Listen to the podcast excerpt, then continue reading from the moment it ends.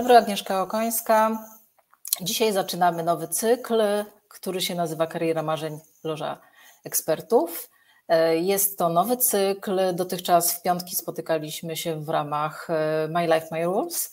Trochę dzisiaj też o naszych zasadach życia będziemy rozmawiać. Moim gościem, pierwszym ekspertem e, inauguracyjnego odcinka e, jest ekspert w dziedzinie zmiany zawodowej, szukania pracy, rekrutingu. Jest nim Ernest Fencel. Witam cię serdecznie. Mam taki zwyczaj, że nigdy swoich, swoich gości, moich programów nie przedstawiam. Daję im niebywałą szansę, żeby powiedzieć o sobie najlepiej jak potrafią i o to też poproszę Ciebie, więc scena jest Twoja. Ja zawodowo faktycznie jestem po części headhunterem, po części jestem takim trochę odwróconym headhunterem, czyli bardziej jestem po stronie kandydatów, których wspieram w poszukiwaniu pracy. I drugą taką, czy też trzecią, powiedziałem, taką rolą, którą pełnię, to jest robienie filmów. Jestem też reżyserem. Uwielbiam robić filmy. E, to jest moja druga albo, albo któraś tam z kolei pasja i, i, i, w, no i poświęcam się temu również czasami tak bez reszty. Tak, to mi bardzo spełnia, realizuje. Jakoś te kropki mi się łączą. To mam, nadzieję, że nie będzie, to mam nadzieję, że nie będziesz mocno krytyczny do jakości naszego streamingu, bo to jest wszystko freestyle. Tak, to już nie zależy od nas. Tak, to już jest nie zależy od nas. Jak będzie, tak będzie, zobaczymy. E, słuchaj, e, chciałabym Cię spytać e, tak od samego początku, od takiego elementarza powiedz, hmm. czym jest według Ciebie poszukiwanie pracy w takim Twoim profesjonalnym wymiarze? Hmm poszukiwanie pracy to jest po prostu sprzedaż. Potrzebujemy się mhm. sprzedać na rynku pracy. E, bo to trochę jest tak, że pracę dostają ci, którzy potrafią się sprzedać najlepiej, a niekoniecznie ci, którzy są najlepsi. Bo to, czy ktoś jest dobrym kandydatem, czy nie, to się okazuje w trakcie zatrudnienia i my wtedy możemy sobie powiedzieć, ten kandydat odniósł sukces, e, po, z perspektywy, nie wiem, roku, pół roku, możemy powiedzieć coś więcej na ten temat, ale tak naprawdę, dopóki my nie zdecydujemy się zatrudnić danego kandydata, to my tylko zakładamy, że to będzie dobry kandydat. W związku z tym to jest proces sprzedaży, proces umiejętności, e, powiedziałbym trochę, hmm, hmm, jak to powiedzieć nawet, e, to jest powiedziałbym takie, dla mnie tam są dwa główne takie obszary, jak myślę o poszukiwaniu pracy i też jakby poszukuję pewnej analogii do sprzedaży. Mhm jakbyśmy na temu tak popatrzyli tak trochę z dystansem, to, to żeby doszło do zawarcia transakcji, jaką jest umowa o pracę, to muszą spełnić się dwie okoliczności. Pracodawca musi poszukiwać i musi znaleźć kandydata, który spełnia jego potrzeby, kompetencje. Przez kompetencje rozumiem wiedzę, umiejętności, doświadczenie i muszą się porozumieć w ramach obszaru finansowego. Jeśli pracodawca szuka, ale nie znajduje kandydata, nie ma biznesu. Jak, e, jak kandydat szuka, a nie znajduje pracodawcy, też nie ma biznesu. Jak się nie porozumiewają w kwestiach finansowych, to też nie ma biznesu. W związku z tym te mhm. trzy, te trzy obszary muszą się gdzieś spotkać. Mm, I tutaj, idąc tropem tego myślenia, mamy z kolei dwa filary dla mnie. Pierwszy to jest takie, powiedziałbym, pytanie, które mówi, to co to znaczy, że jestem najlepszym kandydatem? No i teraz jakby idąc znowu takie, takie w ramach przybliżając się do tego, robiąc taki zoom in, patrzymy sobie tak, no dobra, to jakie ja mam punkty styku? Gdzie ja się stykam z, z tym moim pracodawcą? To, to gdzie ja muszę być najlepszy, tak? No i patrzymy sobie tak, jaki ja mam CV? E, co to znaczy, że ja mam takie wygrywające CV? Co to znaczy, że ono jest dobre? Co to znaczy, że ono mnie sprzedaje? Tak? To samo mamy w przypadku mm, naszego profilu LinkedInowego. Czy ten profil LinkedInowy komunikuje to, co chcemy, żeby komunikowało. Mhm. To jest po prostu coś, co nas wyraża, coś, co przekazuje te treści, które chcemy przekazywać.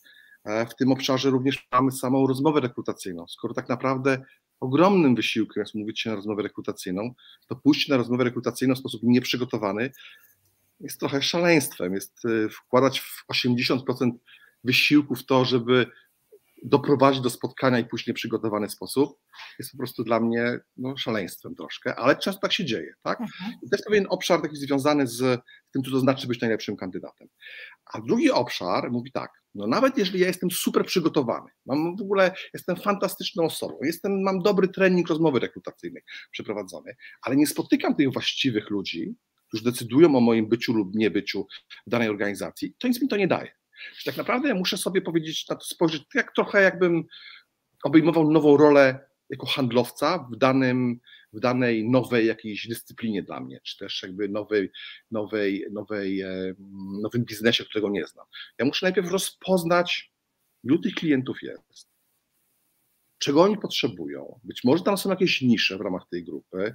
E, muszę wiedzieć, jakie oni mają potrzeby, w jaki sposób ja mógłbym zaadresować tę potrzebę kto będzie dla mnie punktem kontaktowym, jak ja do tych ludzi dotrę, co ja tym ludziom powiem, w jakiej kolejności o tym będę mówił, no po to, żeby zbudować tą świadomość. Czyli tak naprawdę dążymy do tego, żebyśmy sobie mogli powiedzieć, hmm, no dobra, mam świetnie przygotowane dokumenty, patrz, ofertę handlową, bo nasze CV jest mhm. niczym innym jak ofertą handlową. Jest, jest czymś, mówią, jest czymś, co powinno powiedzieć, słuchaj, zobacz, mam takie fajne rzeczy, spotkajmy się, to opowiem Ci znacznie więcej fajnych rzeczy jeszcze.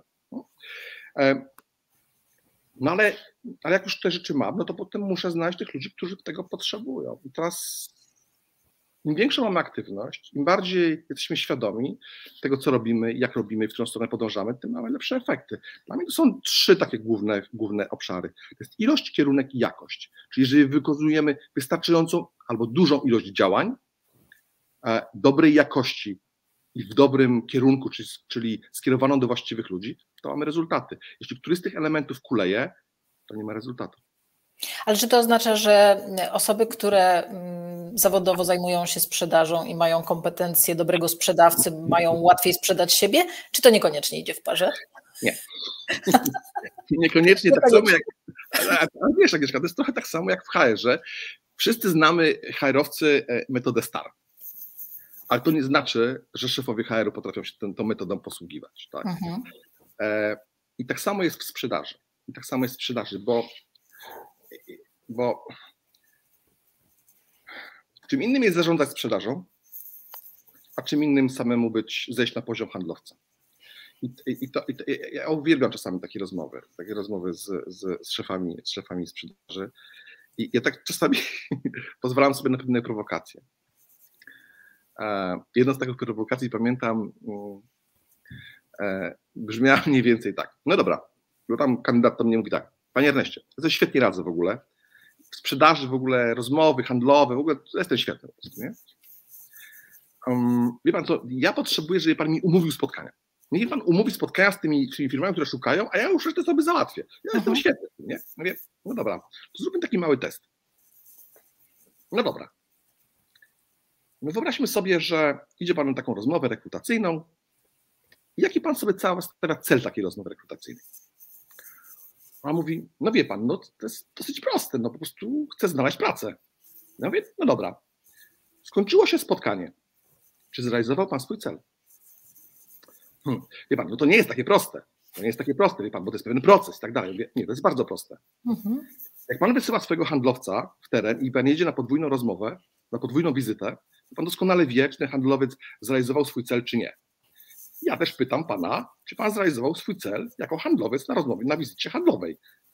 Hmm. Mówi pan co, no chyba nie wiem. No tak, tak no to tak, to, jest, to się czuje tego. Wie, wie pan, ale czucie jest rzeczą bardzo subiektywną. Czy pan taki cel zrealizował, czy nie? Hmm. Wie pan co, no to chyba nie wiem, a jaki taki cel postawić? Nie? Ja mówię, no właśnie. Dla mnie takim celem jest to, czy ja jestem zaproszony do kolejnego etapu rozmowy rekrutacyjnej, czy nie, procesu rekrutacyjnego, czy nie. Bo to jestem w stanie zweryfikować. Mhm. Czyli jeśli ja na koniec rozmowy słyszę, że. Ktoś mój, mnie kupił, czy nie? Ktoś mnie kupił. A, a, a, tym, a, a tym kupił jest mhm. dla mnie to, ktoś mi zadeklarował, tak, panie Erneście, pan jest fajnym kandydatem, widzę pana w kolejnym etapie, albo chciałbym zaprosić pana do kolejnego etapu. Mhm. To, jest, to jest dla mnie dowód na to, że ta rozmowa mi poszła dobrze. Jeżeli nie, to albo A, nie definiuję tego, B, tak trochę się zaczynam poruszać po omacku, tak? No, no i teraz jakby tych analogii jest całe mnóstwo, tak? tak na przykład. E, powszechnie jest hejt na to, że e, rekruterzy nie dają feedbacku, HR-owcy nie dają feedbacku i tak dalej. Tylko na Boga, proście o feedback. Mhm. Skoro nikt nie prosi o feedback, to dlaczego, to dlaczego narzekacie, że tego feedbacku nie ma? Ale słyszę, ale jak to? Ja proszę o feedback, ale się nie mogę doprosić i tak dalej. Ja pytam, a kiedy o ten feedback prosisz? Prosisz o feedback po trzech miesiącach, kiedy dostajesz informację, że proces się zakończył, to czego się spodziewasz? Czy ja po trzech miesiącach jestem w stanie powiedzieć, kiedy ja się spotkałem z setką innych osób, jaki był dany kandydat, dlaczego on odpadł? Nie pamiętam. Nie pamiętasz, dokładnie. Ale pamiętam na koniec rozmowy rekrutacyjnej, więc jeżeli ty nie jesteś w stanie jakby zadać mi tego pytania wprost, bo się w jakiś sposób boisz, bo się czujesz zakłopotany, albo czujesz, że, że nie wypada, albo nie wiesz, że powinieneś zapytać o to, to tak naprawdę potem nie bardzo jest, jak pozyskiwać te informacje, do tego, żeby następnym razem takich błędów nie popełniać. Mhm. Ale wróćmy jeszcze do tego bycia handlowcem, a jednocześnie bycia produktem, bo, bo ty jesteś tak. handlowcem i produktem. Jakkolwiek to, to pytanie nie brzmi tak. No. no, no niestety, ale, ale to trzeba sobie jasno to zdefiniować, żeby też zrozumieć sytuację. I, tak.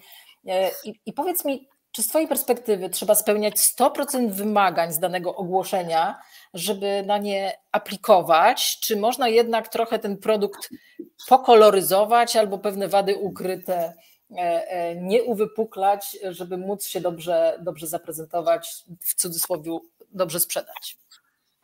Um, myślę, myślę sobie, że nie. Myślę, myślę sobie, że tak naprawdę nie trzeba spełniać 100%. Mhm. Mm, bo ja też jakby, ja też samemu pisząc różnego rodzaju ogłoszenia, widzę, że jak mam kartkę papieru, to ja tą kartkę papieru w jakimś sensie muszę zapełnić. Mhm. Ale ja tak naprawdę wiem, że mam tam trzy, cztery ważne punkty, które są dla mnie kluczowe. Ale tych punktów jest oprócz tych czterech następnych sześć albo osiem one są dla mnie mało istotne, albo one mi się przydadzą raz na jakiś czas. Ja tworzę tak naprawdę trochę listę swoich marzeń, tak? ale to nie znaczy, że wszystkie są dla mnie równoważne. Mhm. E, myślę sobie, że warto się nad tym zatrzymać, bo to ważne pytanie, o czym mówisz. zwłaszcza, zwłaszcza kobiety się bardzo często samo ograniczają. Mówią, nie, ja nie jestem do końca e, idealna, do końca nie pasuje i mam takie poczucie, że nie, to będzie trochę nieprofesjonalne, jak to wygląda i tak dalej. Ja myślę, że ważne pytanie, które zadałaś, i to jest, to jest taki moment, który moim zdaniem trzeba się zatrzymać i trochę postawić się w butach tej osoby, która będzie nas za chwilę rekrutowała, która będzie patrzyła na nasze CV i zadać sobie pytanie, to co z mojej perspektywy, w ramach największej, najlepszej wiedzy, jaką mhm, mam, mhm. na tym stanowisku jest kluczowe. Co tam jest, co tam jest ważnego, a co jest takim uzupełnieniem, jest czymś dodatkowym, jest jakimś takim ekstrasem, który się może pojawić w takim, w takim takim zapytaniem.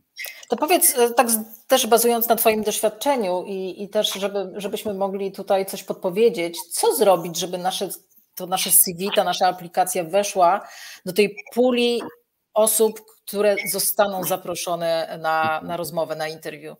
Mhm. Co takiego możemy zrobić? E, e, na, na czym najbardziej się skupić, żeby, żeby jednak z tej nie wiem, setki, dwustu mm. spływających e, aplikacji, żeby na tyle zwrócić na siebie uwagę, żeby ktoś nas zechciał wysłuchać, bo to, bo to jest mhm. jakby e, pierwszy bardzo ważny krok.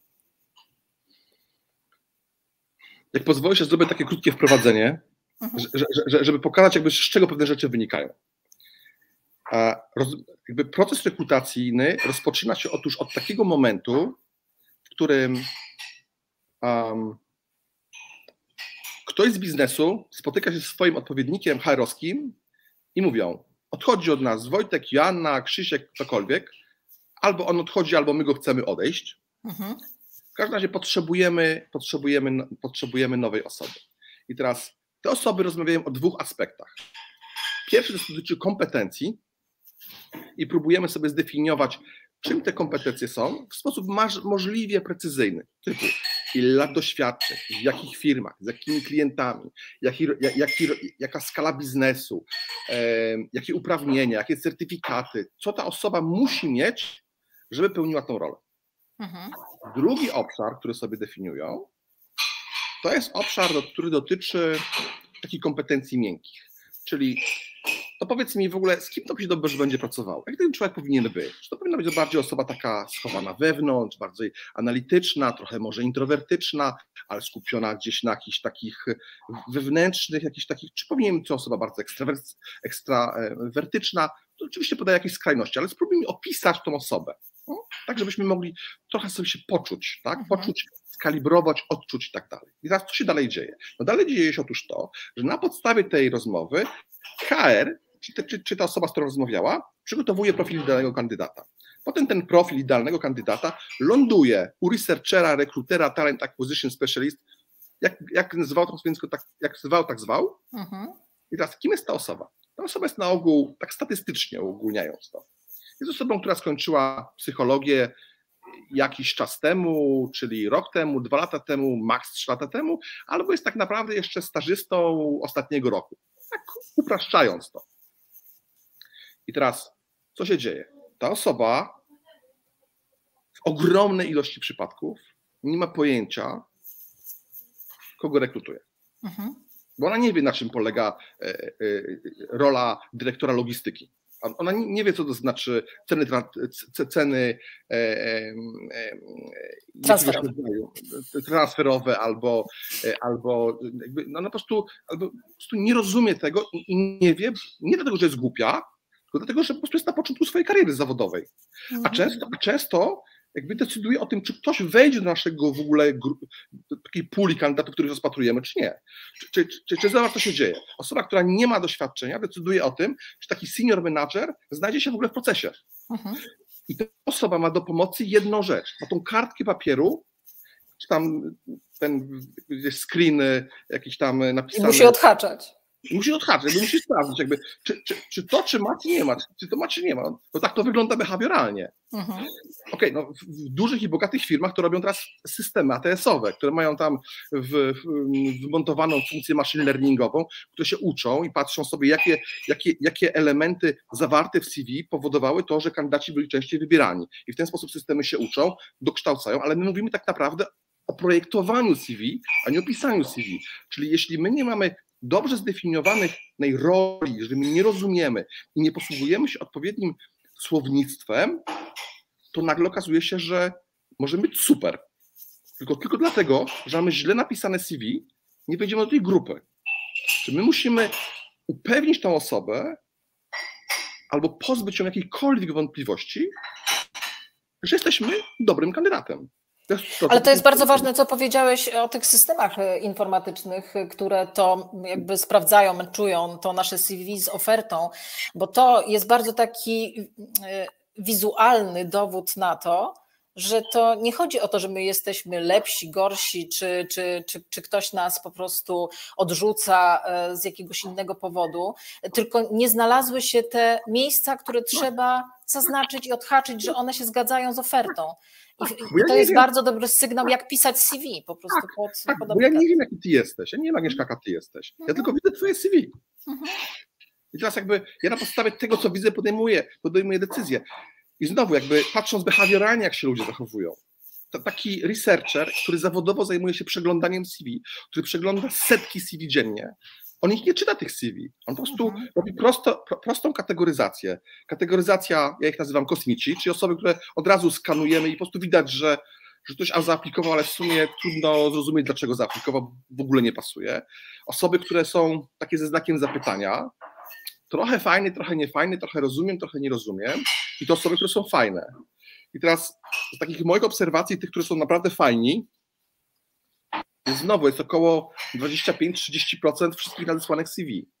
Aha. Ale tych fajni to oznacza dla mnie to, że tą rolę mają dobrze zdefiniowaną, że mają te słowa kluczowe w jakimś sensie napisane. Czyli ja jestem w stanie sobie wyobrazić, że taka osoba, jak taki puzzle trochę pasuje mi do mojej organizacji.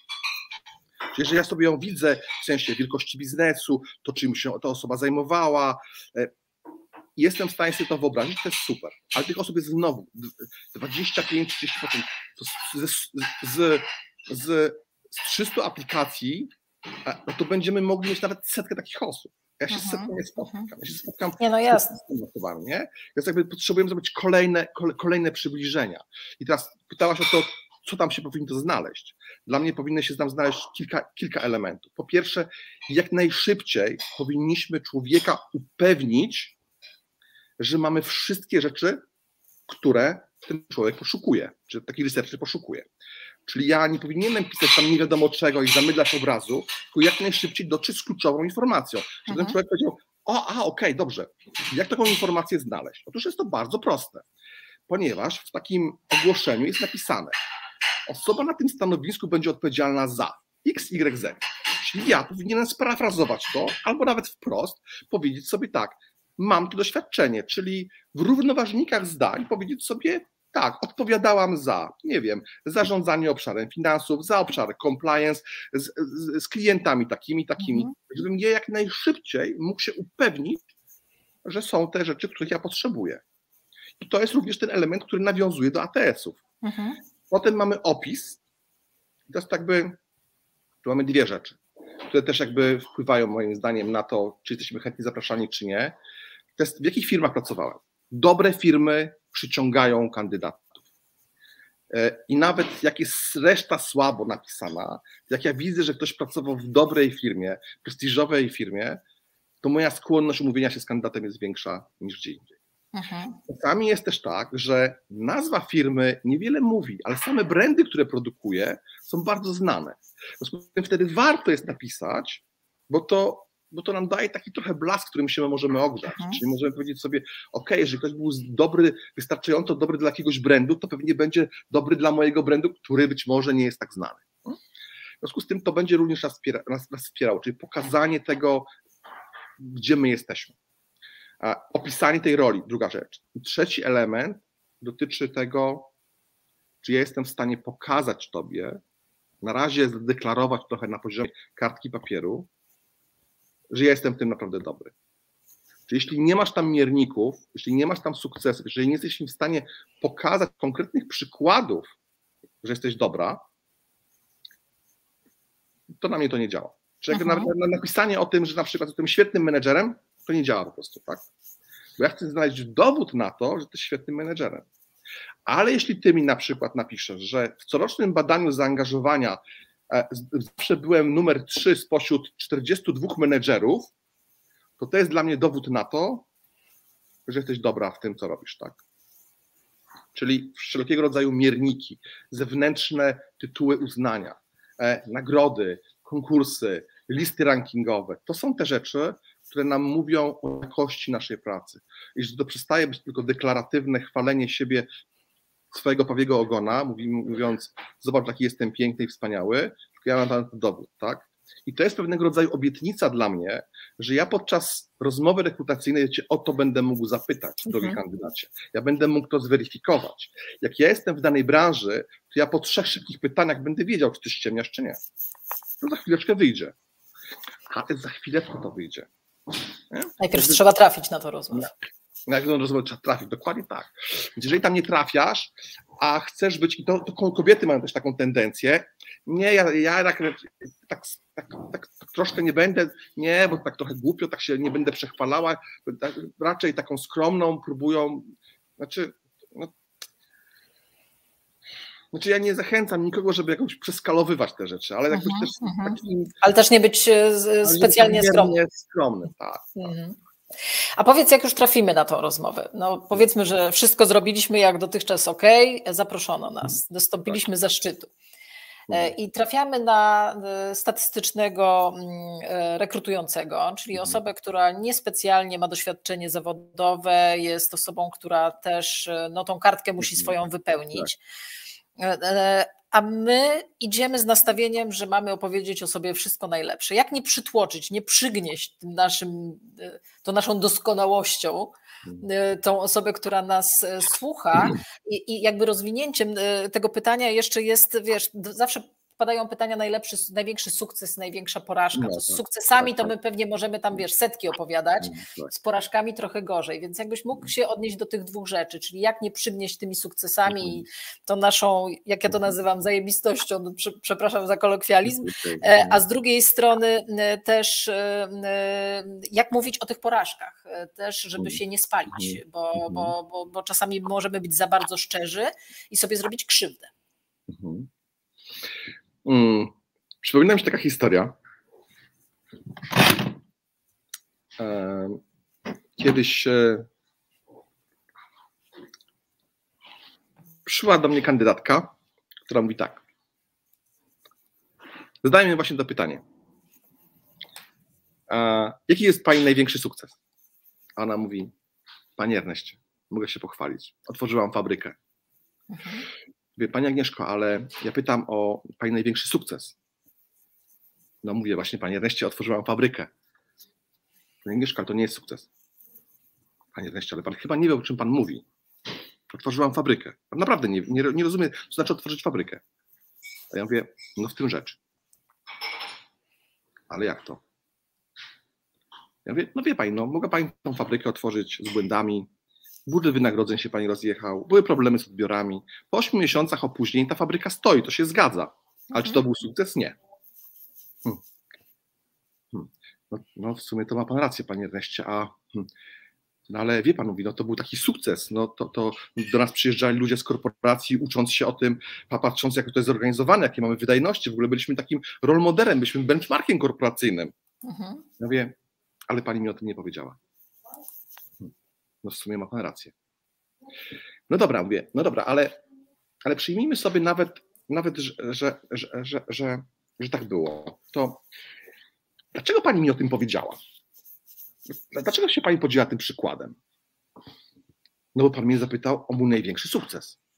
To powiedziałam. Mhm. Ja mówię, no dobra, a jak ja nie chcę otworzyć fabryki? To pani z ogromnym zaangażowaniem przez 7 minut mnie nudzi. Bo mnie nie interesuje otwieranie fabryki. Czyli co? No właśnie, kluczem jest tego, kluczem jest zrozumienie i zdefiniowanie, kogo szuka pracodawca i, i słuchanie i niechwalenie się tym, co ja potrafię, jakie funkcjonalności ma moje urządzenie, które chcę sprzedać, czy też moje, moje kompetencje, jakie są i co ja mhm. wspaniałego zrobiłem, tylko kluczem jest zrozumienie, czego potrzebuje mój pracodawca. Bo ja wtedy odnoszę się do tego, czego pracodawca potrzebuje, a nie czy ja się chcę pochwalić. Bo być może to, co ja się czy to się chce pochwalić, będzie spójne i będzie potrzebne jemu temu, temu e, pracodawcy, ale tego na razie nie wiem. I to wtedy jest przypadek. To nam trafiamy albo nie trafiamy. A w sprzedaży nie chodzi o przypadek. W sprzedaży chodzi o zdefiniowanie, o zrozumienie tego, w co my gramy, co jest realną potrzebą, ponieważ pracodawca nie szuka kandydata, bo ma wakat. On ma problem do rozwiązania. I teraz, dopóki ja nie, nie docieram do, do źródła tego problemu, to strzelam. To jest mhm. przypadkowe. Druga rzecz, którą, którą moim zdaniem warto jest zrobić, to, to jest po prostu nauczyć się metody STAR. Używają jej wszyscy. To jest bardzo prosta metoda. Można ją nawet uprościć z tego anglojęzycznego akronimu, akronimu ja go przypomnę, jest Situation, Task, Action, Results. Można to uprościć w taki sposób o to, że żeby powiedział kandydat o tym, jaki był kontekst, co się w ogóle wydarzyło, jaka była sytuacja, dlaczego ten taki projekt, a nie inny się ktoś zabrał, co zostało zrobione w sposób chronologiczny, malując pewien obraz, pokazując pewien klimat, jak, jak to się działo, jakie były, jak ten proces przebiegał i jaki był rezultat. Po tym, jak pada rezultat i padają dane, powinna padać kropka mhm. i niezagadywanie często widzę, że kandydaci mają problem taki, że jeszcze mówią, i jeszcze mówią, i jeszcze mówią, i jeszcze mówią. To jest tak jakby nie pozwalali wybrzmieć temu, co jest ważne w tej wypowiedzi. Co jest ważne w tej wypowiedzi, tak. Mhm. I lepiej jest powiedzieć trochę mniej niż za dużo. Ale również po tym pytaniu warto jest pójść dalej i przejść w taką rolę partnerską w tej rozmowie. Czyli zadać pytanie, i co pan o tym myśli? Albo co pani o tym myśli? Czy to jest podobne, jak wy o tym myślicie, a jak wy pracujecie z tym? Bo, bo tutaj nie chodzi o to, zwłaszcza na takich poziomach menedżerskich, tu nie chodzi o pójście na przesłuchanie. Tu nie chodzi o to, żeby przyjść na rozmowę i powiedzieć sobie, odpowiem na każde pytanie, nie zagniecie mnie. Mhm. To nie o to chodzi. Chodzi o to, żeby być adekwatnym. Tu chodzi o to, żeby spełniać potrzeby tego kogoś. I tu chodzi o to, żeby słuchać. Żeby się koncentrować na słuchaniu. A trochę z innej beczki teraz. E, słuchaj, powiedz, jak sobie wyhodować ofertę, bo wszelkie statystyki mówią, no. że aplikowanie na już pojawiające się ogłoszenie o pracę ma bardzo małą skuteczność co do zasady, że powinno się tak. bardziej szukać w tak zwanym mhm. rynku ukrytym. Jakbyś nam tak. mógł powiedzieć, co to jest ten rynek ukryty, mhm. jak do niego docierać i jak sobie mhm. trochę hodować ofertę, na którą byśmy chcieli trafić. No, tak, dobra. Tak, taka mała dygresja odnośnie tego jeszcze aplikowania na, na, na ogłoszenia, które się pojawiają. Hmm. Czasami nawet nie czasami, nawet dosyć często zdarzają się takie sytuacje, w których ktoś mówi tak, panie Erneście, w ogóle te wszystkie ogłoszenia to jest jakiś fake, nikt tam w ogóle nie ogląda tych ogłoszeń i ja nie wiem po co to im daje, zamieszczają te ogłoszenia, to jest moim zdaniem zbieranie, budowanie bazy danych, handlują jakimiś danymi, to w ogóle nie ma nic wspólnego z rekrutacją. Tam po prostu nikt nikogo nie rekrutuje. Ja myślę sobie, no dobra, E, a jak to pan, jak, jak pan aplikuje? No, mówi, no wie pan co, no to ja tak mówi, raz w tygodniu siadam i siadam i tak sobie poświęcam na to parę godzin, bo tych ogłoszeń znowu nie ma tak dużo na moje stanowisko i sobie, i sobie aplikuję i tam mam te, no mówię, no dobra. Ja mówię, i co? Skąd pan wie, że, że, że, że nikt tych ogłoszeń nie ogląda? No mówię, mówię, no to jest bardzo proste, bo nikt nawet mojego ogłoszenia nie otworzył. Stąd wiem, że nikt się w ogóle tym nie interesuje. Ja tak mówię, Hmm. Ale po co właściwie powinien otwierać te ogłoszenia? Po co powinien ten ktoś otworzyć pana CV? No jak to, panie reszcie, no zaraz, pan sobie, że ze mnie żarty robią. Nie, zupełnie serio pytam. Dlaczego powinien otworzyć ktoś pana CV? No jak to, po co? No przecież ktoś szuka, no to szuka, ja aplikuję, no, no to jest oczywiste chyba dlaczego. Ja mówię, no dobra, no to wróćmy teraz znowu do początku. Czyli mamy tą dziewczynę z tego, która jest tym researcherem, dała ogłoszenie, Mhm. Spłynęło jej w ciągu, w ciągu, e, w ciągu um, pierwszych trzech dni, spłynęło jej 172 aplikacje. Spośród tych 170 aplikacji znalazła 15 fantastycznych osób. E, ma poczucie, że znalazła bardzo dobrych kandydatów, miała z kogo wybrać i szybko zrealizowała swoje zadanie. Jest dumna, bo poszła do swojego szefa HR-owskiego i powiedziała: Zobacz, mam, mam 15 super fajnych osób to ogłoszenie będzie wisiało jeszcze tam przez następne trzy tygodnie. Mhm. To dlaczego ja mam po tych trzech tygodniach jeszcze zaglądać do tych aplikacji? Dobra, okej. Okay. Byłoby miło, gdyby ten ktoś zadzwonił do pracuje i powiedział, zamykamy ogłoszenie, nie ma. Ale ludzie na to nie wpadają. Mhm. Ludzie tak nie działają. W związku z tym, jeżeli ktoś aplikuje po tygodniu, to może być to dwa dni za późno. To taka mała dygresja. Natomiast jak sobie wyhodować, wyhodować takie ogłoszenie? I co to jest ten rynek ukryty? No, ten rynek ukryty to jest, to jest ten rynek, którego nie widać. I, I, tam jest większość takich tak naprawdę, o, o, mhm. tak naprawdę tych rekrutacji się odbywa na tak zwanym rynku ukrytym. No bo, no bo, bo to jest ostatnia rzecz, którą ja chcę robić, to poszukiwać ludzi na zewnątrz. Czyli jakby pierwszą rzeczą, którą, którą, którą myślimy, no to zastanawiamy się nad tym, czy my mamy kogoś w naszym zespole, kto jest gotowy objąć taką rolę. No to jest motywujące, to jest rozwojowe dla ludzi i, i, i, takie awanse wewnętrzne są bardzo pozytywnie odbierane przez organizacje. To jest jakby jeden z kierunków. Ale też bardzo często w tych sytuacjach dzieje się tak, że HR myśli sobie, hmm, no dobra, dobra, dobra, dobra, ale może my byśmy kogoś wzięli do porównania z zewnątrz. Bo my tak może byśmy się zbenchmarkowali, zobaczyli, zobaczyli, czy, czy, czy, ten kandydat, który nam się wydaje, że jest fajny, może go porównajmy. I teraz znowu, jakby nie chcemy dawać całego procesu, nie chcemy uruchamiać tego procesu, więc tak się zastanawiamy, słuchaj, e, pytamy tam, nie wiem, naszych e, kolegów, koleżanki z pracy, pytamy, słuchaj, nie znasz kogoś, kto być może byłby taką tą, by wziął u nas, bo tam szukamy kogoś, tak się zastanawiamy, czy wziąć od nas z zespołu, czy wziąć na zewnątrz i tak dalej. No i teraz jakby, jeżeli ten ktoś się pojawia w tym kręgu, to my chętnie taką osobę weźmiemy do tego procesu. Ale wtedy w takim procesie bierze udział cztery osoby, mhm. a nie cztery. Polecenia. A nie polecenia, tak? Natomiast, natomiast my musimy zbudować świadomość u tych osób. Czyli tak naprawdę powinniśmy sobie, znowu wracając do, do początku naszej rozmowy, zastanowić się, to jaki jest ten rynek, na którym my działamy, kim są ci nasi klienci, y, czy też nasi pracodawcy, jakby, jakby ilu ich jest. I to znaczy, powinniśmy zacząć budować świadomość, że my w ogóle istniejemy na rynku. Jeżeli nikt nie wie, że ty istniejesz, to dlaczego ma się do ciebie odezwać? Dlaczego ma, ci, dlaczego ma ciebie znaleźć? Mhm. I teraz to jest Twoje zadanie, żeby budować właśnie personal branding, budować świadomość, budować pozycję roli eksperta, wypowiadać się, no być osobą, która jest zauważalna. I wtedy mamy szansę, i to nie za każdym razem, bo to też pewna, pewien proces musi, pewien czas musi upłynąć. Nikt, nie, nikt po, albo to się niezmiernie rzadko zdarza, że, że, że, że ktoś zrobił jedno działanie, ktoś opublikował jeden artykuł i nagle ma propozycję zatrudnienia. To się czasami zdarza, ale niezmiernie rzadko się to zdarza. Natomiast kiedy my jesteśmy osobą, która buduje tą relację długofalowo z wybraną, wyselekcjonowaną, właściwą grupą osób, to jesteśmy w stanie taką,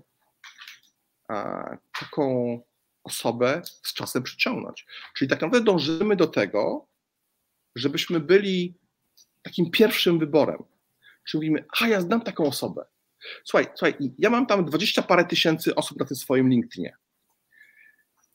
I możesz mi wierzyć albo nie, ale osoby, które są ze mną w jakimś kontakcie, to jest ich może 50, które piszą, zagadują, coś tam napiszą fajnego, a fajnie, panie Erneście, a coś tam, a tutaj literówkę pan zrobił, to i pan może poprawić, tak głupia sprawa, nie?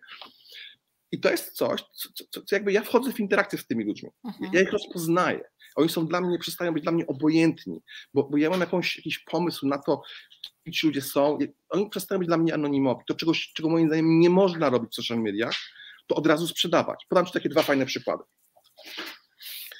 E, któregoś razu e, ktoś poprosił mnie o, o, to, żebym tam przyjął jego zaproszenie, ja to przyjąłem i z automatu dostałem informację, sprzedaję okna dachowe, czy ja bym nie był zainteresowany. A jeżeli nie ja, to może mój kolega.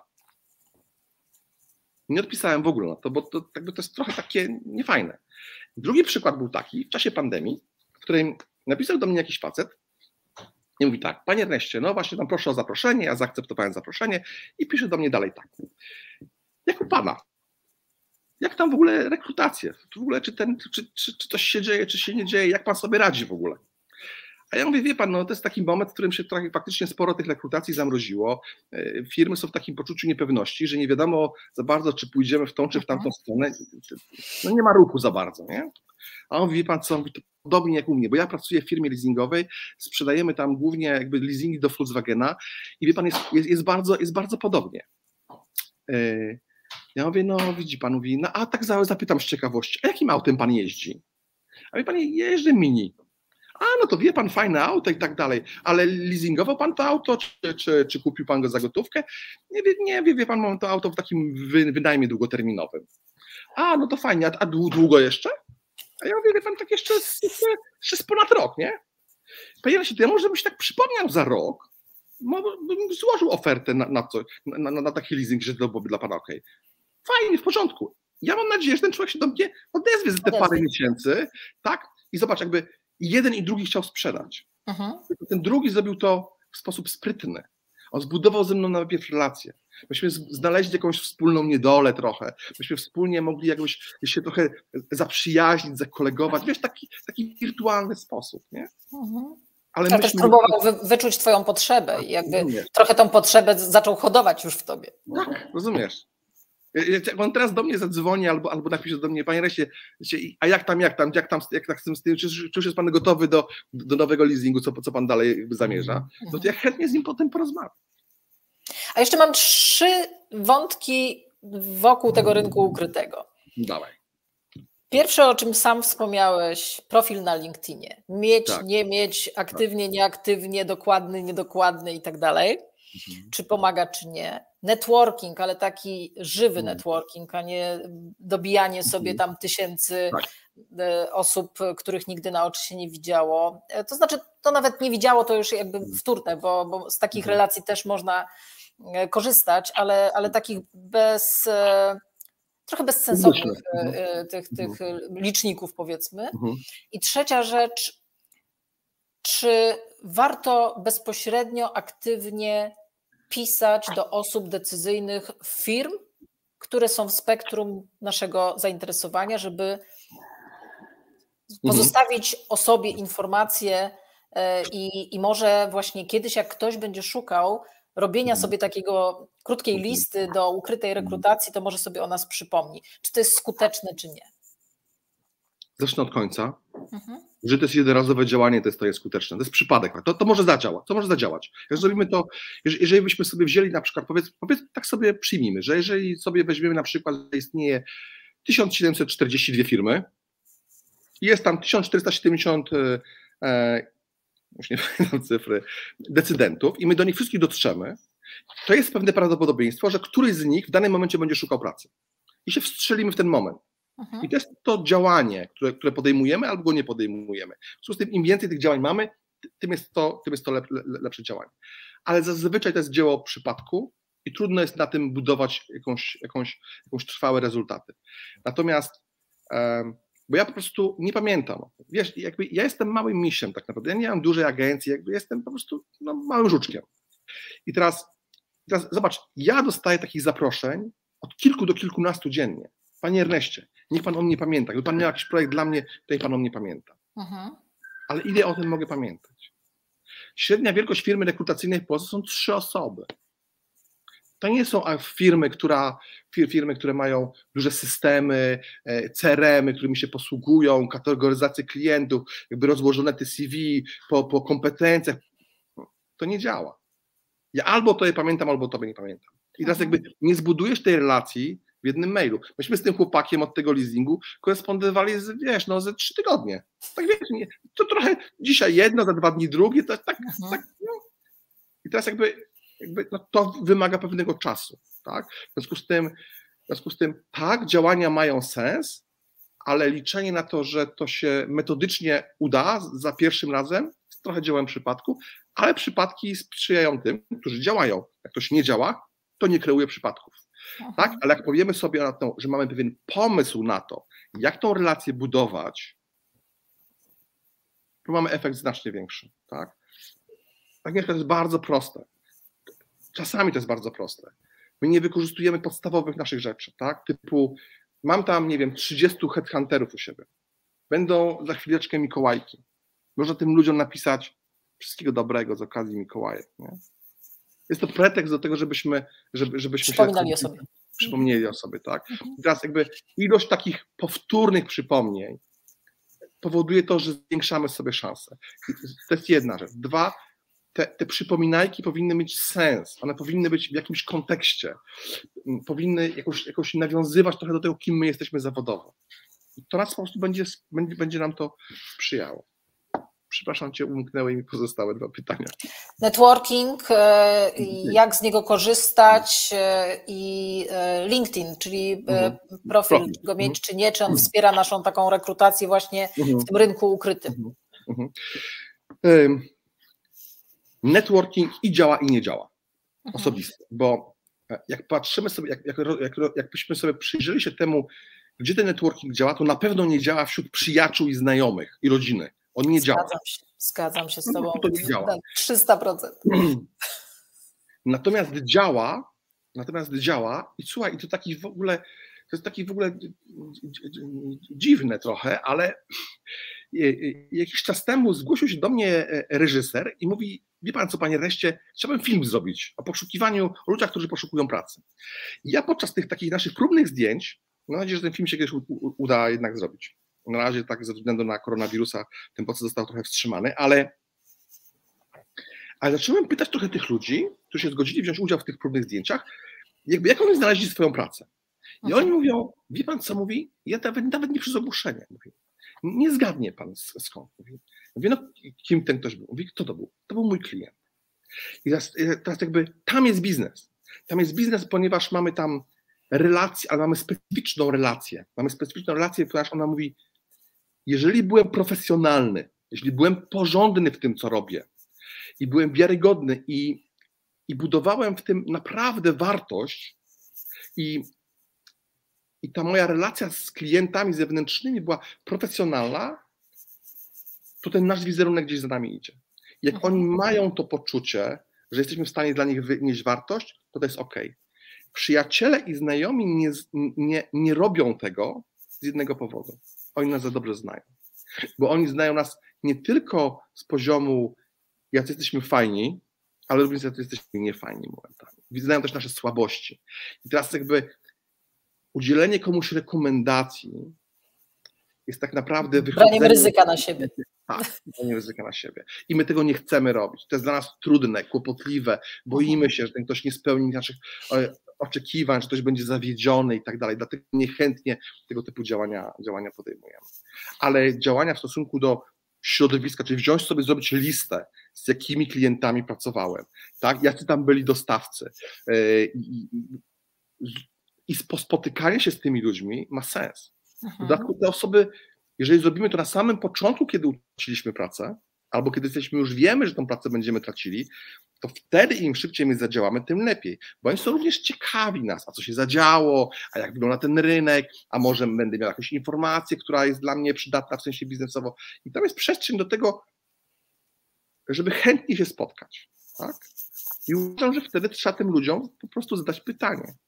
Albo powiedzieć im, słuchaj, szukam pracy. Ale wiesz, ja to też trochę nazywam takim, e, e, może to, to, to są złe konotacje, ale ja naprawdę nazywam to pewnym bankiem przysług. Bo jeżeli my pracujemy w pewnym biznesie i mamy jakąś relację biznesową, czy to z naszym klientem, dostawcą, e, odbiorcą, wszystko jedno.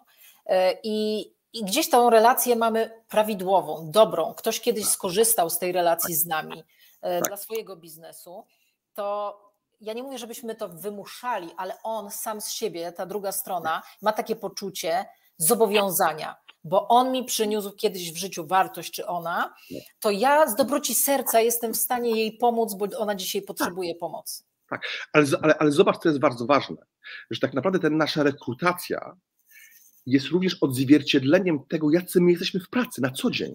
Mhm. Bo jak my jesteśmy takimi cwaniaczkami, a jest takich osób sporo, które mówią, a dobra, tam nie, nie pójdę, oni się i tak nie zorientują. To to nie jest tak, że rynek tego nie widzi.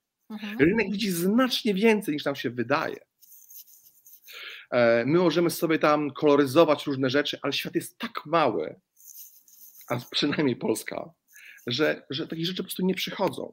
I, mhm. i, I, czasami jesteśmy, czasami możemy być bardzo zdziwieni, bo, bo my te nasze połączenia, e, nie wiem, przez, e, przez przyjaciół, znajomych, małżonków, partnerów, po prostu wiemy o tym.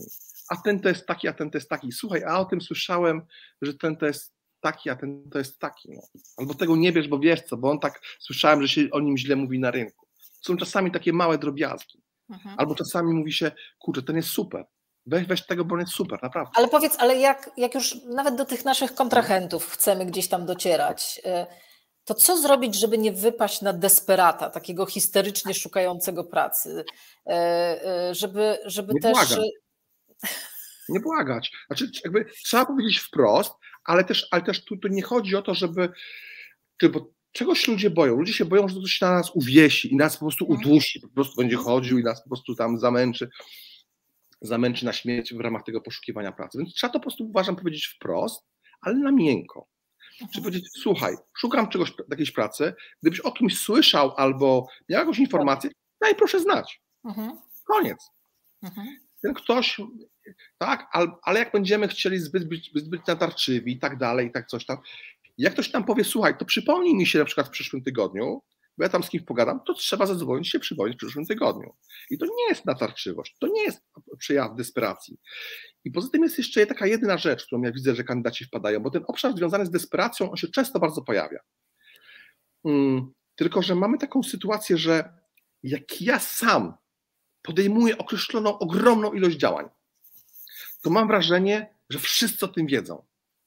Ale zobacz, jak mamy tam kilka tysięcy firm rekrutacyjnych w Polsce, jak ja nawet jakby, czy, czy, to jest, czy to jest tak, że jak ktoś do mnie aplikuje, to ja o tym opowiadam innym ludziom, którzy, którzy mają inne firmy, że ktoś do mnie zaaplikował? Nie. My się takimi informacjami nie wymieniamy. Mhm. Ale ponieważ takich działań wykonuję bardzo dużo, to mogę takie mieć takie poczucie, że już wszędzie, już wszędzie jestem i tak dalej.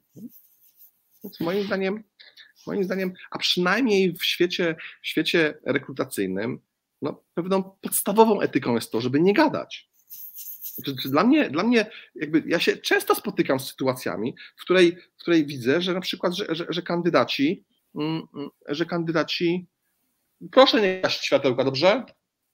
Dobrze, dobrze, dziękuję. Mm, że, że, mm, że, że czasami jakby, jakby firmy, z którymi ja pracuję w obszarze rekrutacji, E, czasami się do mnie, jakby ja widzę, że kandydaci z tych firm tu do mnie aplikują na inne pozycje, ale nie wyobrażam sobie, że mógł do tej firmy teraz zaportować i powiedzieć, słuchajcie, a tutaj wasz kandydat szuka pracy, wyście zacznijcie już się orientować, to byłoby niepoważne. Jestem przekonany, że taka firma by zrezygnowała z moich usług, bo jestem po prostu nieetyczny w tym, mhm. w takim gadaniu, no to jakby to nie powinno mieć miejsca moim zdaniem, tak?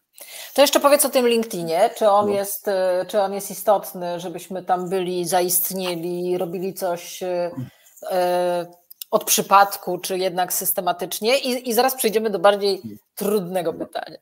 Dobra.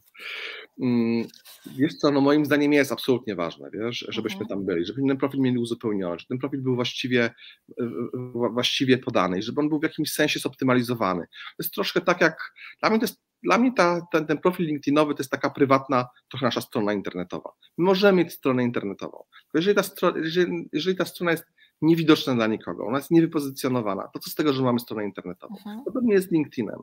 E, co z tego, że, że my tam mamy potężne narzędzie, potężne narzędzie, tak? E, ale z niego nie korzystamy, to nie wykorzystujemy tego potencjału. Moim zdaniem jest to absolutnie um, straszne, jeżeli ktoś z tego nie chce korzystać, a są osoby, które, które nie korzystają z tego. Ja rozumiem, że to wymaga czasami obawy, jakąś obawę. Ja sam pamiętam, jak publikowałem swój pierwszy post, byłem przerażony. Pamiętam, że pisałem go cały dzień, a drugie pół dnia zastanawiałem się jeszcze, jak go mogę opublikować, czy nie, bo byłem po prostu bardzo przejęty tym. Ja się strasznie bałem krytyki, co ludzie pomyślą. E, a, a w dodatku ktoś do mnie napisał tego dnia, panie Erneście, nie tędy droga. Za 200 zł miesięcznie poprowadzę panu ten profil. Więc wiesz, więc to jest po prostu, to jest trudne, a wiesz, jakby, ale tego się, tego się da nauczyć, wiesz, ja jestem dyslektykiem, mi się zdarza robić takie błędy, że aż strach. Mm, I dla mnie to też to, to, szczególnie było trudne, wiesz, bo to, to było takie wystawianie się na strzał, nie? Stary, ty chcesz wspierać, wiesz, top menedżerów, to takie błędy robisz, nie? To jest po prostu niepoważne, niefajne. Ja się nauczyłem trochę z tym żyć, jakby ja, ja jakby gdzieś wkładę do tego wie, duży, większy nacisk, przyglądam się temu i tak dalej, ale z tym sobie można poradzić, tak? Wiesz co, ja często też radzę z, sama swoim znajomym albo osobom, które o takie mm, doradztwo proszą, że nawet jeżeli mamy taki opór przed pisaniem czegoś, nie mamy mhm. Mm, potrzeby bycia E, osobami, które coś publikują z, z własnej e, twórczości, powiedzmy w mhm. cudzysłowie, e, tak. to, to, to warto też pokazać nasz obszar zainteresowania poprzez szerowanie po prostu czegoś, co nas tak, interesuje, w tak. czym jesteśmy ekspertami i nawet niech to nie będzie tylko polecam do przeczytania, ale pierwsze zdanie artykułu można kopiuj w klej zrobić, tylko żeby to było systematycznie. Absolutnie tak, Agnieszka. Absolutnie pełna, pełna zgoda. Jest to, co więcej, nawet komentarz który, który gdzieś jest, ludzie czytają te rzeczy, tak? I teraz jakby dobrze zadane pytanie powoduje to, że to coś nam uruchamia. Mhm. Jeszcze jakby napisanie nawet prywatnej wiadomości, słuchaj, bardzo Ci dziękuję za ten artykuł, mhm. tak? Albo zainspirowało mnie to do pomyślenia o czymś. Mhm. To już buduje naszą relację, to już my ocieplamy trochę nasz wizerunek, tak? My, my, chcemy pracować z ludźmi, których lubimy, z którym otoczeniu się dobrze czujemy, którym czujemy akceptację. To jest ważne. To teraz trochę trudniejszy temat. Dyskryminacja w rekrutacji. Dyskryminacja ze względu na wiek, na płeć, już o innych nie będę mówić, tak. ale zwłaszcza na wiek i na płeć mnie tak. osobiście bardzo interesuje, tak. bo jej doświadczyłam samodzielnie, na własnej skórze. No. I, i, e, I powiem Ci, że teraz mam pytanie, czy my powinniśmy ukrywać informacje w CV, które świadczą tak wprost wręcz o naszym nie wiem, data urodzenia albo data ukończenia e, pierwszych studiów e, magisterskich, e, czy, czy warto to ukrywać, żeby nas chociażby ATS-y nie wychwyciły, czy, czy jednak to, to kompletnie nie ma znaczenia? I i też płeć, tak? Czy rzeczywiście tak jest, że bez wskaźnika jakiegoś diversity w korporacji to, to jednak panowie mają pierwszeństwo w docieraniu do tego shortlist? Jest mega trudny temat. Wiem. I, i, i, i wiesz co, jak, jak, jak mam... Ale nie obiecałam, że będzie tylko miło. Dobrze, ale ja Ci dziękuję za ten temat, bo to jest bardzo ważny temat. To jest bardzo, bardzo ważny temat, ponieważ on dotyczy ogromnej, ogromnej grupy osób. Mm, ale on jest też trudny ze względu na to, że ja sam nie mam bardzo klarownej i jasnej odpowiedzi na to, na, na to, na to jak, to w ogóle zorganizować. Jakbyś mnie zapytała, no. a jak byłoby najlepiej, to sam tak naprawdę nie wiem. Bo co do jednego się zgadzam, co do jednego nie mam wątpliwości, że dyskryminowanie w jakiejkolwiek formie jest nieakceptowalne i ono nie powinno nigdy mieć miejsca. Mhm. To, jest, to jest absolutnie nie okej okay i to jest coś, co jest po prostu niefajne. Jest po prostu jest... Natomiast mam poczucie też, też głębokie przekonanie, że firmy i tak zrobią, jak będą chciały. Mhm. Jak, jak ktoś mówi, ja nie chcę mieć e, młodej dziewczyny, bo się boję, że ona zajdzie w ciąży, urodzi dziecko i będę miał, będę miał wakat i nie będę miał co z tym zrobić. To jest obawa, którą on ma. Mhm. I ja go nie przekonam, że będzie inaczej. Że będzie inaczej. I, to, i, i, i, teraz, I teraz jakby ten dylemat, który ja mam, czy, ja bym, czy gdybym był tą dziewczyną młodą, która odbija się od ściany i dostaje nieprawdziwą informację, bo jej nikt wprost tego nie powie, to czy ja bym wolał wiedzieć dlaczego, czy nie? Ja bym wolał, żeby tej dyskryminacji nie było. Mhm. Tak? Ale, ale, ale z drugiej strony też nie, nie, fair albo nie w porządku jest, że ja nie mam prawdziwej informacji, bo to mi utrudnia. Ja osobiście pewnie wolałbym powiedzieć sobie, kurczę, jest mi strasznie przykro, to jest w ogóle nie fair, nie fajne i tak dalej, ale przynajmniej wiem, co ze mną nie tak. Mhm. Um, I to jest bardzo trudne, to jest bardzo trudne. Ja uważam, że dyskryminacja jest, ona jest potworna, i niestety, ale za dyskryminację odpowiedzialny jest w ogromnej mierze HR, bo HR nie powie ci tego wprost. Szukamy młodej, młodej osoby. On powie to w białych rękawiczkach, tak? Powie, mamy taki młody zespół, u nas średnia wieku jest tyle i tyle. Chcielibyśmy, żeby ta osoba świetnie się odnalazła w naszym zespole, w naszej kulturze organizacyjnej. Albo wie pan co, mamy taki nasz zespół jest taki bardzo sfeminizowany, byłoby fajnie, gdybyśmy mieli jakąś przeciwwagę, niech pan zwróci uwagę. Mhm. Są klarowne informacje. Nie?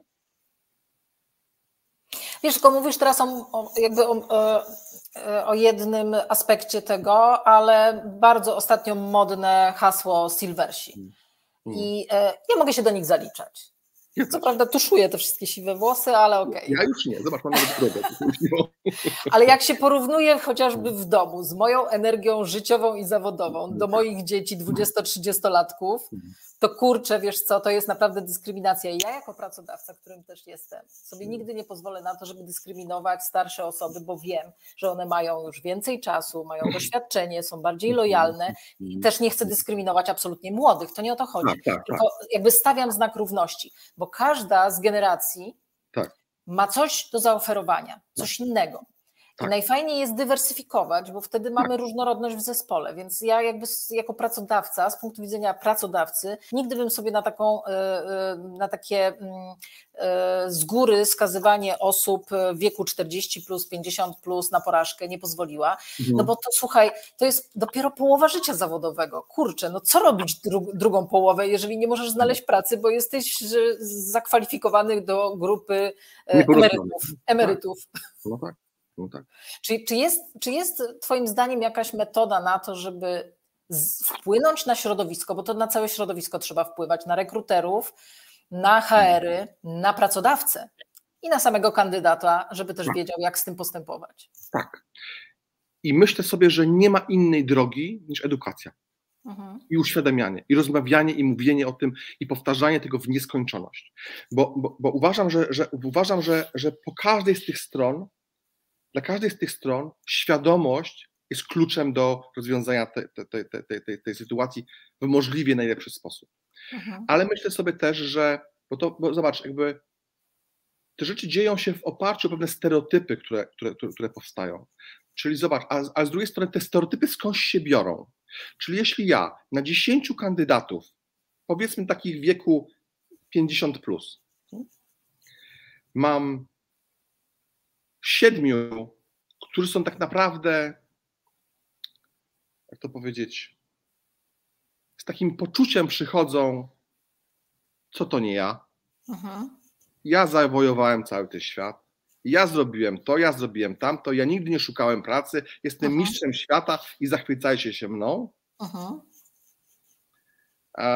I, I mówią, a co najgorsze, te siedem osób spośród tych, dziesiątki mówi, ja wiem jak to zrobić, i chcą powielać schematy, które do tej pory przez dekadę albo dwie przynosiły im sukces i są zakotwiczone w tym, że to, co do tej pory było, działało.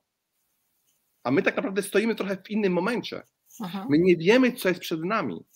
I jeśli ja nie mam gotowości uczenia się, i gotowości oduczania się, i gotowości takiej ciekawości życia, Aha. tego, co jeszcze przede mną jest, takiego takiego głodu wiedzy, chęci nauczenia się i stania przed, taką, przed takim momentem, kurczę, to jak to zrobić inaczej? Aha. Tylko chcę powielać pewne mechanizmy, to te osoby, te siedem osób, buduje nam pewien obraz całej grupy. I teraz spośród tych trzech jest być może kilku, którzy są taki jak ja, jak ty. Nie? Tylko że, tylko, że zobacz, taki rekruter, on też ma zadanie. On mhm. chce jak najszybciej znaleźć właściwych kandydatów. W związku z tym on też się kieruje do innej grupy. Mhm. Czyli, czyli, czyli jeżeli, ta, jeżeli w tej grupie, nie wiem, 30-latków będzie ta proporcja odwrócona, to jego statystyka i efektywność będzie lepsza w tamtej grupie. A on podąża za efektywnością, za kosztami. Wszyscy mówią, chcą taniej, taniej, taniej. Mhm. To samo. Dlatego moim zdaniem edukowanie każdej z, tych, z każdej z tej grup jest szalenie ważne. Tak? Ale również nasza grupa pokoleniowa, wiekowa ma swoją lekcję do odrobienia. Mhm. Jeżeli my nie będziemy nad tym pracowali również, to nie będziemy się rozwijali i nie będziemy zmieniali tego obrazu. Tylko będziemy budowali przekonanie, że jesteśmy zarozumiali, którzy wszystkie rozumy zjadli już, zjedli, już niczego nie muszą się uczyć, bo oni wszystko już wiedzą. Wiesz, to, dotyczy, to, to, tym bardziej dotyczy top menadżerów, którzy trafią, tracą pracę, bo oni y, pierwsze swoje rozmowy takie rekrutacyjne zaczynają z pozycji ja w ogóle to nie powinienem tutaj być, tak? Bo tak, przecież y, tak. całe życie byłam, byłem, y, czy byłam prezesem tak. i w ogóle co ty mi tu dziewczynko czy chłopczyku w tak. wieku 20 plus będziesz mówić o rekrutacji. Bierz mnie jaki jestem, bo jestem najlepszy i, no w ogóle o czym my no. rozmawiamy. Nie tak. podchodzą z pewnym dystansem do siebie i do tego, pokorą. w którym miejscu są, z tak. pokorą, dokładnie. Ale wiesz, jeszcze mam jeden, jeden, no. jeden aspekt, który trochę też takiego top managementu dotyczy. E, bo załóżmy, że proces poszukiwania pracy jest nieskuteczny. Idziemy w mhm. miesiące, a może i, i ponad tak, rok. Tak. Już jakby nie wnikam w powody, dlaczego on jest mhm. nieskuteczny, bo na pewno jest wiele powodów, tak.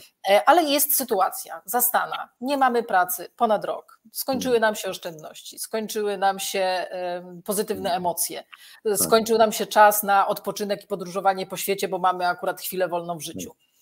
Tak. E, I, I, jesteśmy w momencie desperacji, faktycznej desperacji, autentycznej, bo musimy mieć z czego żyć. Więc mhm. jesteśmy w stanie sięgnąć po ofertę, która jest dużo poniżej naszego doświadczenia i kompetencji. A mhm. rekruter mówi: Jest pan za dobry, jest pani za dobra na to stanowisko, więc nie mhm. jesteśmy w stanie zaoferować, bo będzie się pan, pani nudzić.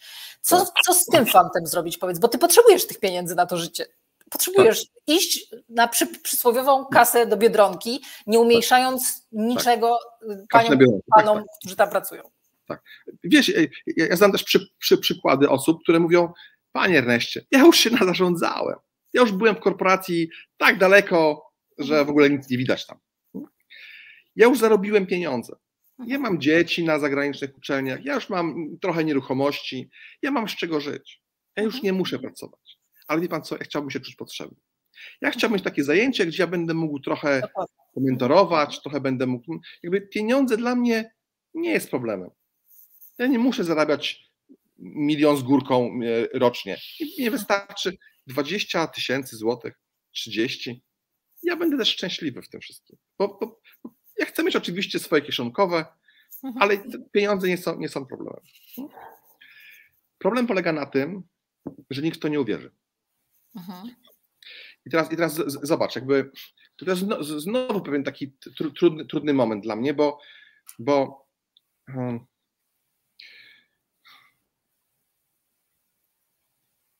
statystyka mówi tak, że jeśli mamy faktycznie przekwalifikowaną osobę i ta osoba bierzemy ją na etat, to istnieje duże prawdopodobieństwo, że w ciągu roku ten, ta osoba znajdzie pracę i odejdzie. To jest ryzyko dla pracodawcy. Tak się po prostu dzieje. Mhm. Ale jak mnie na przykład kandydat pyta, panie Reście, kurczę, to nie jest to, co powinienem chcieć, to, to nie spełnia moich ambicji, ale tak jak powiedziałaś, potrzebuję pieniędzy, potrzebuję środków do życia, to mhm. czy ja mam to wziąć, czy dalej y, trzymać gardę i powiedzieć, że, że nie? To ja mówię, brać. Jak znajdzie pan coś innego, to niech pan, to, to zmieni pan pracę, bo taki mhm. jest rynek. Mhm. I, jakby, I teraz jakby ten sam mechanizm działa w dwie strony. Jakby z jednej strony my mówimy, my potwierdzamy pewne założenia rekruterów i, i, i HR-owców, którzy mówią, osoba przekwalifikowana będzie odchodziła, ale czasami sam mówię tym kandydatom, weź tą ofertę mhm. i szukaj dalej. Um, jest jeszcze jeden aspekt, który mówi, to jest bardzo łatwo powiedzieć komuś, jest pan przekwalifikowany.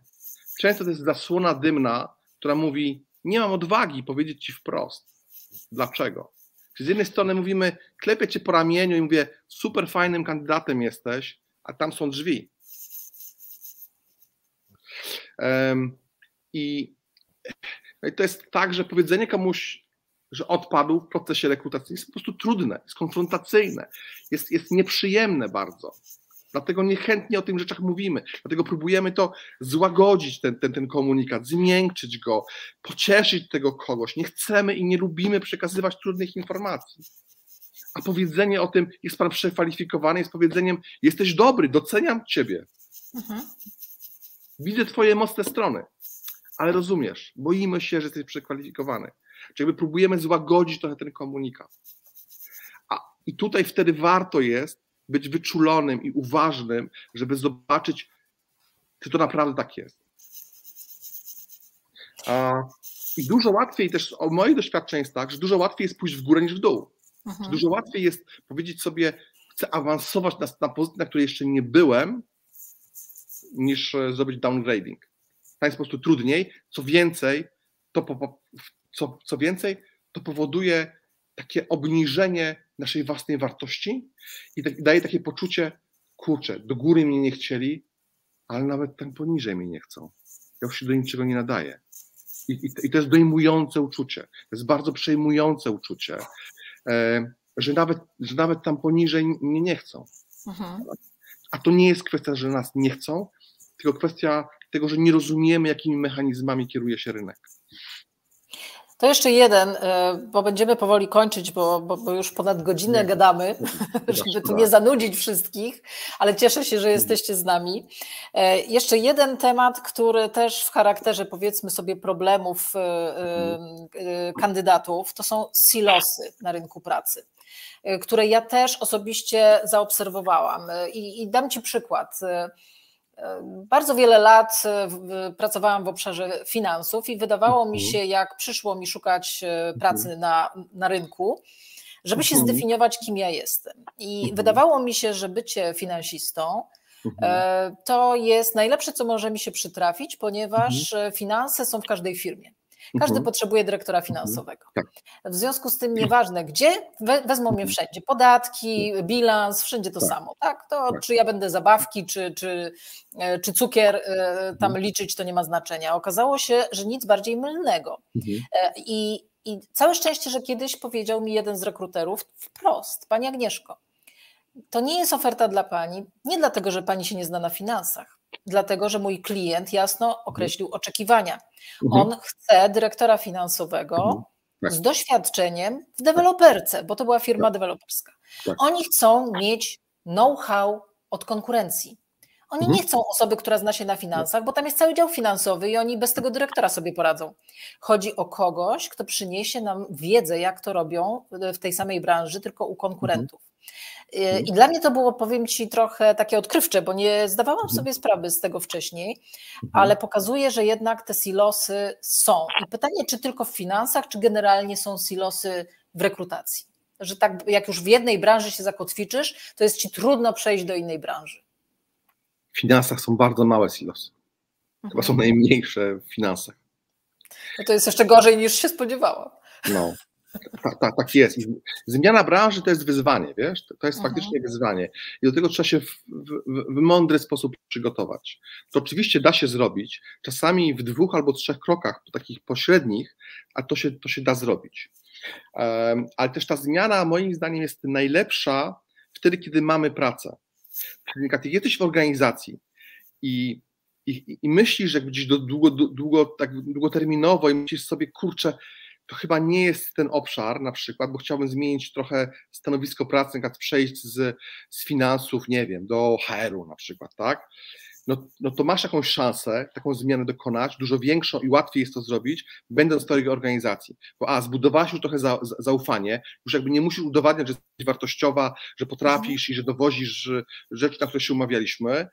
Mm, czy jakby ten efekt zaufania istnieje, istnieją też osobiste relacje, które już masz i łatwiej jest zbudować jakiś przyczółek pod tytułem, mhm. słuchajcie, dobrze, to ja może zrobić z wami jakiś taki projekt HR-owsko-finansowy, na przykład, czy na przykład przy szkole jakiś tam dział HR-u na przykład, albo zrobię jakieś finanse dla niefinansistów, albo na przykład nauczę, jak wprowadzimy jakieś mierniki, albo jakąś analitykę taką, e, e, taką wprowadzimy, tak jakby jakby jesteśmy w stanie jakoś zbudować jakieś takie małe doświadczenia, takie małe przyczółki, które pozwolą nam na to, żeby, żeby że jeżeli się pojawi jakaś przestrzeń, żeby ktoś nam dał szansę.